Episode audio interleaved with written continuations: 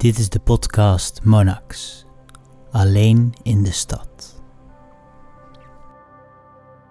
Die, die individualistische cultuur waarin we zijn opge... Uh, die, die nu zo sterk is en die dus zo ontzettend krachtig in een roofzuchtige en simplistische vorm uh, uh, zeg maar, over ons uit is gestort, die, die doet inderdaad alsof wij niet een proces zijn, maar een ding. Deze aflevering heet Alleen in de digitale maatschappij. Filosoof en schrijver Dirk van Wilde spreekt over hoe ons brein gehackt wordt door de sociale media, over het construeren van een zelf en over hoe de digitale maatschappij zou kunnen leiden tot meer eenzaamheid. De vorm die het nu aanneemt als een journalistiek onderwerp, mensen die zich uh, bezighouden met uh, hoe het gaat in de cultuur en in de maatschappij, dat heeft heel veel te maken met de atomisering van onze wereld. En die is enorm versneld door uh, dat het internet een van de belangrijkste vehikels voor vermaak, communicatie, handel enzovoort werd. Het gekke is dat het dus gepresenteerd is als verbindend, collectief, open-ended, emanciperend. En dat heeft het op een bepaalde manier ook wel ingelost. Maar de koppeling aan al die bestaande machtsstructuren, die bestaande uh, manieren om uh, zeg maar, uh, op een kapitalistische manier geld te verdienen, dat is ook op het internet gebeurd. Wil je dus mensen optimaliseren, zowel als consument als als producent, dan moet je ze afzonderen. En dan moet je dus ieder kanaaltje apart kunnen kwantificeren. En dat betekent dat dus zelfs in onze persoonlijke contacten, zonder dat we dat doorhebben, we ons volledig onderwerpen aan die atomisering. Dat wij een gescheiden kanaal zijn wat data levert en boodschappen en emoties en informatie en zeg maar wat wij mensen maken van die data consumeren en daar weer voor betalen enzovoort. Maar we doen dat dus zogenaamd, denken wij, samen. Maar dat is niet zo. De vorm waarin het gebeurt is extreem eenzaam. En het gekke is dat uh, vroeger liepen die dingen door elkaar. Het was niet beter, maar het liep door elkaar. En daardoor was er meer randomness. Er was meer onvoorzien effect tussen mensen van het op elkaar botsen van die werelden. Het verschil tussen e-mail en het postkantoor.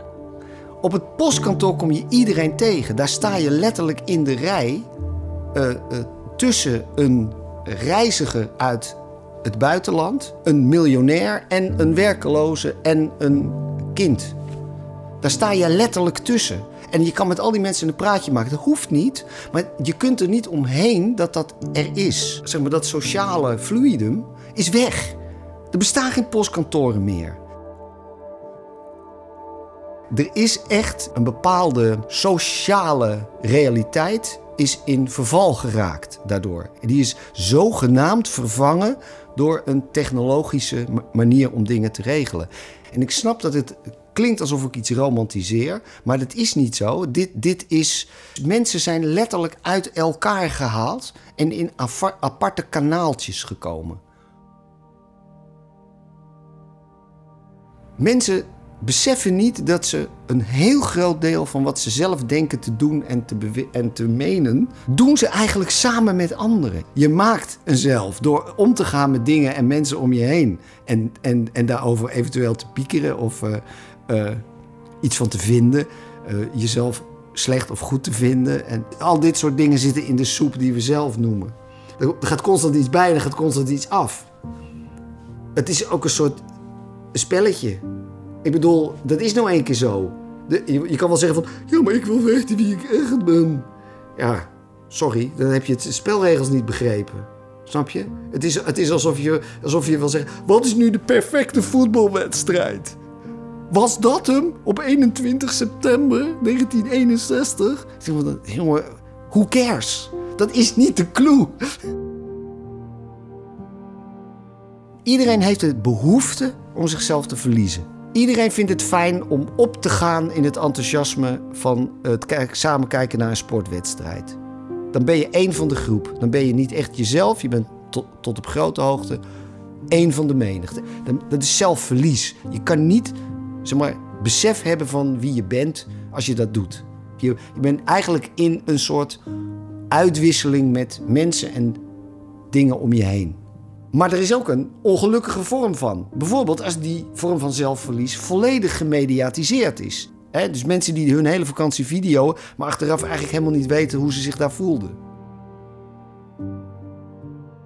Zelfbesef is dat ik ergens in mijn achterhoofd blijf denken, ook al zit ik in een heel erg gewelddadige, klote relatie.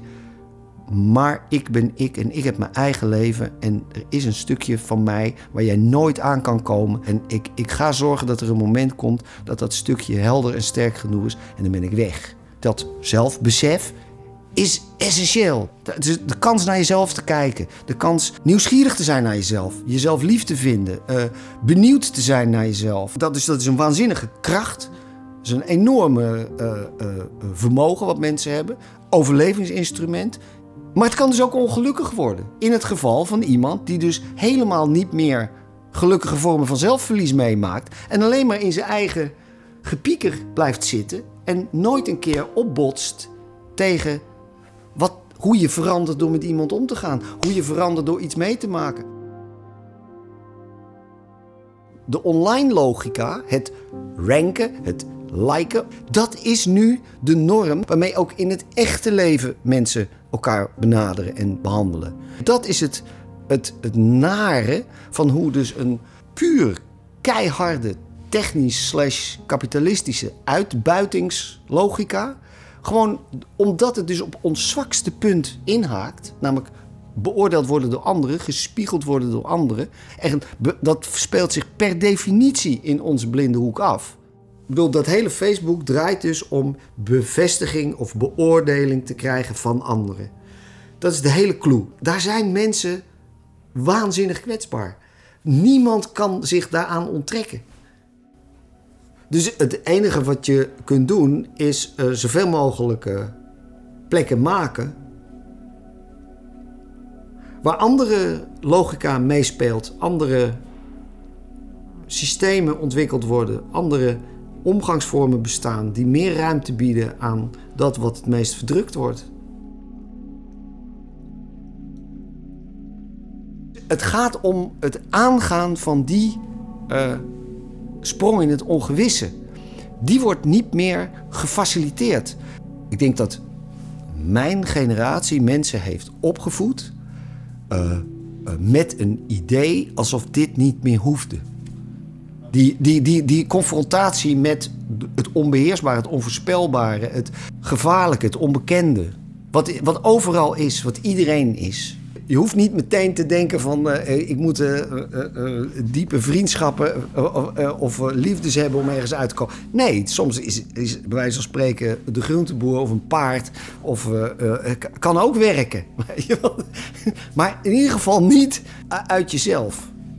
Want dat, jezelf is een heel uh, gemankeerd uh, en incompleet uh, machientje. Terwijl wij dus vinden dat dat allemaal een soort zelfvoorzienend, evenwichtig apparaat is. Terwijl mensen beseffen niet dat, dat, ze, dat het in een constante uitwisseling met hun omgeving staan. Iedereen begrijpt de angst voor het onbekende. Dat is het ingebak. Dat is, dat is gewoon een survival instinct. Maar, curieus genoeg, waarom zijn mensen tot meer in staat dan apen? Is omdat ze ook op een rare manier groeien van de omgang met wat ze niet weten. Ze krijgen er af en toe, verliezen ze er een vinger mee. Of is een deel van de hele familie uitgeroeid. Maar ze komen wel in contact met iets en ze zoeken dat actief op. En hebben daar iets aan, veranderen daardoor, veroveren meer mogelijkheden.